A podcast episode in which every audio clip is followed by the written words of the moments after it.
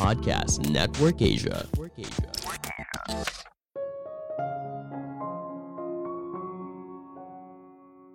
Apabila kita bisa memberikan jeda sebelum memberikan tanggapan, maka kita punya kendali atas hidup kita sendiri. Halo semuanya, nama saya Michael. Selamat datang di podcast saya, Sikutu Buku. Kali ini saya akan membahas buku Search Inside Yourself karya Chade Meng Tan. Sebelum kita mulai, buat kalian yang mau support podcast ini agar terus berkarya, caranya gampang banget.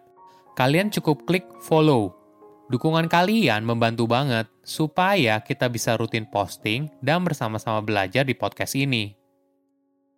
Buku ini membahas cara mencapai hidup yang bahagia dimulai dari pencarian di dalam diri. Sejak kecil, kita sudah diajarkan pentingnya pendidikan. Kita diminta untuk belajar yang rajin hingga bisa lulus kuliah. Namun apakah kamu tahu, ada tipe kecerdasan yang tidak diajarkan di sekolah? Tidak ada kelas atau mata pelajaran khusus soal kecerdasan emosional. Namun kecerdasan ini sangat menentukan kesuksesan karir profesionalmu. Buku ini ditulis oleh salah satu engineer Google pertama yang bekerja di sana. Ketika penulis mulai mencari tahu lebih banyak soal mindfulness dan kecerdasan emosional, akhirnya dia diminta untuk memberikan pelatihan bagi karyawan Google untuk menerapkan latihan ini demi meningkatkan kebahagiaan mereka di tempat kerja dan juga aspek lain dalam hidup. Saya merangkumnya menjadi tiga hal penting dari buku ini. Pertama, pentingnya kecerdasan emosional. Bagaimana kamu mendefinisikan kecerdasan? Apakah berdasarkan banyaknya gelar yang dimiliki seseorang, bakat tertentu yang unik, atau seseorang yang memiliki IQ yang tinggi? Kenyataannya, kecerdasan memiliki berbagai bentuk yang berbeda, tergantung dari siapa yang memilikinya. Howard Gardner, seorang psikolog tumbuh kembang dari Harvard, merupakan yang pertama menyatakan hal ini melalui serangkaian tes psikologi. Howard berpendapat, seorang anak yang tidak mahir dalam matematika namun memiliki keahlian dalam literatur, maka anak tersebut masih tergolong cerdas. Selanjutnya, Howard menyusun daftar dari berbagai tipe kecerdasan, termasuk kecerdasan emosional. Dia lalu membagi kategori ini menjadi dua, interpersonal dan intrapersonal. Coba saya jelaskan satu persatu ya. Kecerdasan intrapersonal adalah ketika kamu punya pemahaman yang kuat tentang dirimu dan juga tempatmu di dunia. Kamu sadar betul soal perasaan, nilai yang kamu anut, dan juga tujuan hidup kamu. Sedangkan kecerdasan interpersonal adalah kemampuanmu dalam berada gelombang yang sama dengan perasaan orang lain, sehingga kamu bisa berbaur dengan segala situasi dan kondisi. Ketika dua hal ini digabungkan, maka akan membentuk kecerdasan emosional, yang artinya kemampuan kamu dalam memahami dan berhubungan dengan orang lain. Keuntungan kecerdasan emosional yang utama adalah hal ini bisa membantu meningkatkan kinerja kamu di kantor. Hal ini disebabkan motivasimu bisa dibentuk dan dikembangkan. Sebagai gambaran, motivasi yang tinggi dapat mendorong optimisme, yang kemudian semakin tinggi motivasimu, maka kamu akan semakin bahagia. Semakin kamu bahagia, maka kamu akan menghasilkan lebih banyak hal di tempat kerja. Ini yang ditemukan oleh psikolog Martin Seligman saat melakukan studi pada tahun 1980-an terhadap para agen asuransi.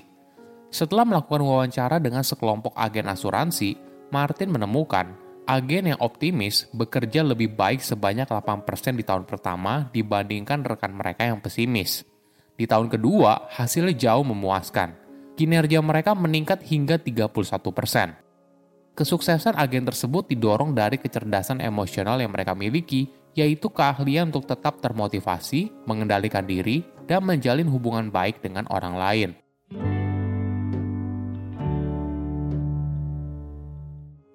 Kedua, belajar self-awareness.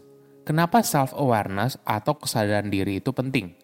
Dengan melakukan latihan ini, kamu akan belajar mengontrol perasaan, daripada sebaliknya kita yang dikontrol oleh lingkungan sekitar. Latihan ini juga bisa membantu kamu mengurangi monolog negatif yang sering kali kita katakan kepada diri kita sendiri. Kenapa hal ini penting? Ternyata hal ini bisa membantu kamu untuk sukses. Ada sebuah riset yang menarik Riset tersebut meneliti sekelompok penasehat keuangan dari American Express dan menemukan kalau pelatihan kesadaran diri dapat membantu mereka menghilangkan keraguan dan mengurangi monolog internal negatif. Saat mereka berhenti terlibat dalam pola pikir yang merusak kepercayaan diri, maka mereka jadi lebih berani dan lebih percaya diri. Hasilnya, mereka mampu memberikan saran keuangan yang lebih baik bagi para kliennya.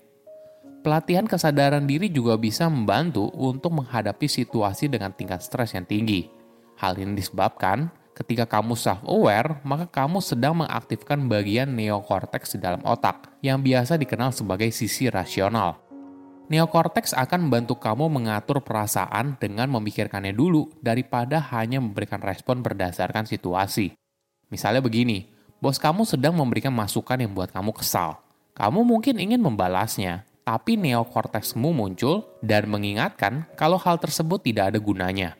Lebih baik kamu menenangkan diri dan mempertimbangkan masukannya secara rasional sebelum marah.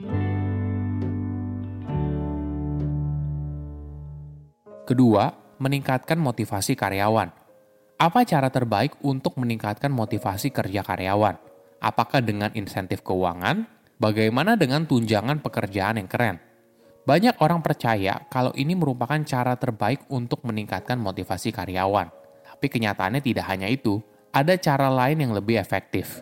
Tony Xie, CEO dari Zappos, perusahaan retail sepatu online, menjalankan hal ini saat dia mengembangkan toko digitalnya menjadi perusahaan multi miliar dolar dalam waktu yang relatif singkat. Tony menjelaskan motivasi utama Zappos adalah untuk memberikan kebahagiaan. Bukan hanya bagi para pelanggan, tapi juga menciptakan budaya perusahaan yang berfokus pada kebahagiaan karyawan. Kenapa hal ini penting?